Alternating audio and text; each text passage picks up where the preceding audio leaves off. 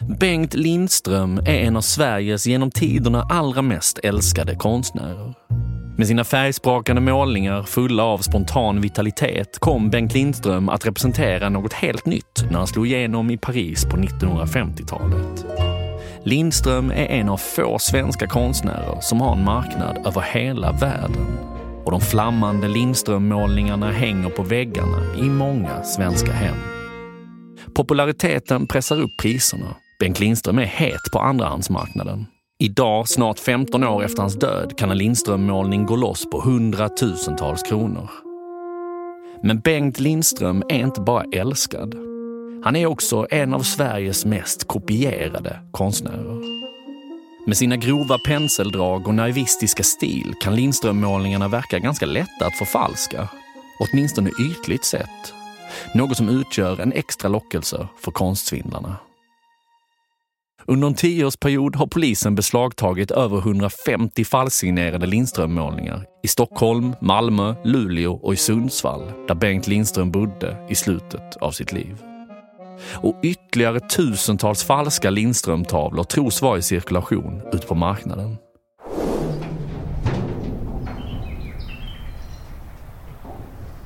En halvrutten byggvagn ute i skogen är kanske inte den mest självklara handelsplatsen för de värdefulla Bengt Lindström-målningarna. Ändå lyckas byggvagnens ägare, en tidigare vän till konstnären, under årtionden dra in miljonbelopp på försäljning av förfalskade Bengt Lindström-tavlor. Vännen kallas för Alaska-Håkan efter sin tid som arrangör av jakt och fiskeresor till just Alaska. På 90-talet satt han i SVT-programmet Har du hört den förut och berättade roliga historier för tittarna. Men ingen visste då vad vi vet nu om hans konstbluffande och miljonbedrägeri. Du lyssnar på Svenska bedragare. Jag heter Timmy Strandberg.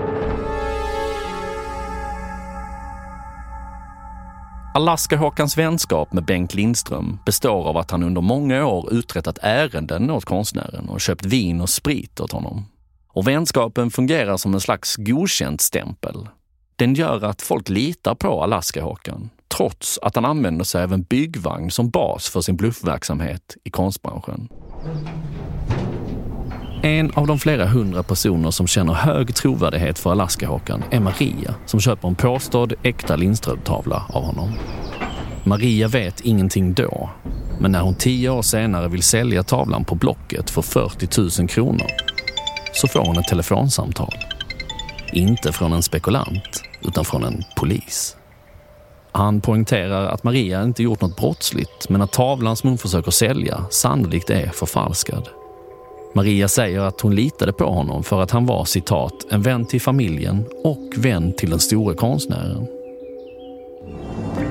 Ikväll så sänder Uppdrag granskning i Sveriges Television det första av två program om förfalskad konst. Det handlar om hundratals. Under flera år har Alaska-Håkans svindlaraffärer gått under radarn för media. Men 2013, när SVTs Uppdrag granskning började gräva i konstbedragarvärlden, visade sig att hundratals svenskar ovetande har falska Bengt Lindström-målningar där hemma och att Alaska-Håkan i decennier sålt kopierade Lindström-tavlor för miljonbelopp. Så åkte jag dit och hade han inga pengar fick jag in tavlan. Så här låter det när Uppdrag gransknings reporter låtsas vilja köpa en tavla av Alaska-Håkan och frågar hur det kommer sig att han har så många Lindström-tavlor. Så åkte jag dit och hade han inga pengar fick jag in tavlan. Enligt Håkan är de inte bara vänner, utan Bengt Lindström betalar Håkan med tavlor. Jag åkte dit, han fick brännvin och så fick jag in tavlan för jobb då. Det var till två där. Bengt fick brännvin, Håkan ville ha cash, men fick istället en tavla. Och det hände flera gånger i veckan. Inte bara en eller två gånger, utan Sju gånger på samma vecka. sju gånger på samma vecka.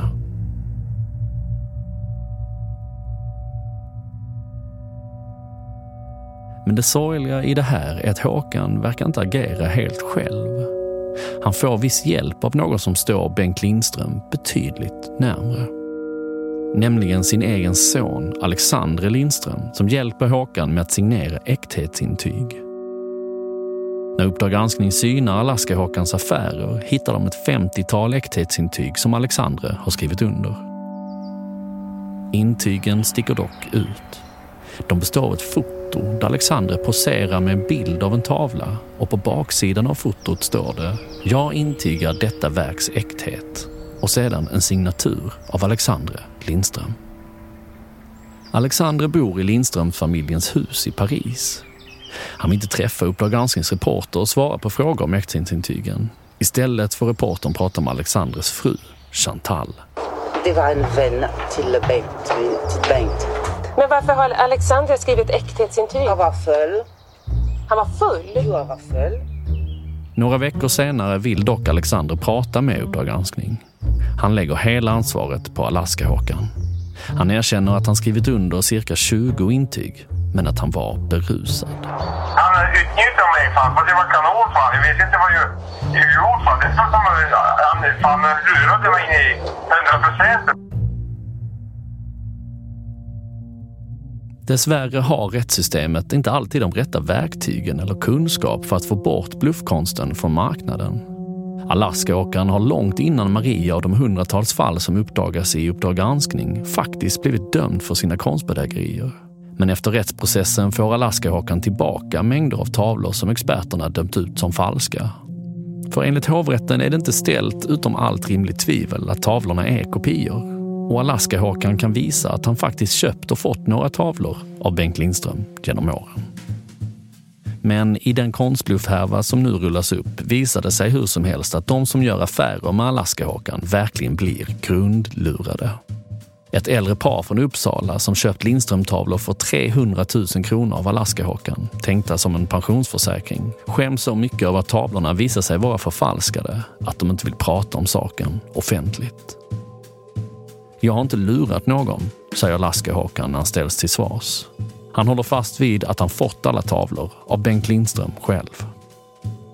Alaska-Håkan döms dock på nytt för sitt konstbluffande. Men lurendrejeriet med förfalskad Bengt Lindström-konst är långt ifrån över. På Ebay och andra sajter fortsätter det att poppa upp Lindström-kopior för försäljning och det är en marknad som av allt att döma är växande. Totalt omsätter konstbedrägerier lika mycket som alla andra bedrägerier tillsammans. Polisen ser den nya 3D-tekniken med exakta kopior som ett allt större gissel i konstvärlden. Och svårigheterna med att bestämma äktheten i den idag så populära fotokonsten är också det något som gynnar konstbedragarna. Konstförfalskning är inte hög prioritet hos polisen och straffsatserna är låga. Kanske är konstförfalskning det perfekta brottet. Till saken hör att somliga av förfalskarna faktiskt är rätt skickliga. Det enda som saknas är egentligen förmågan att skapa något eget och unikt.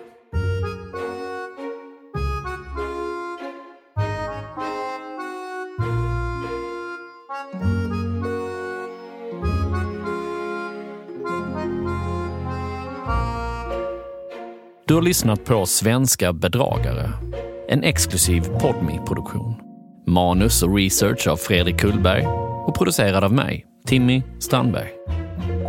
Arkivklippen i detta avsnittet kommer från Sveriges Radio och Sveriges Television.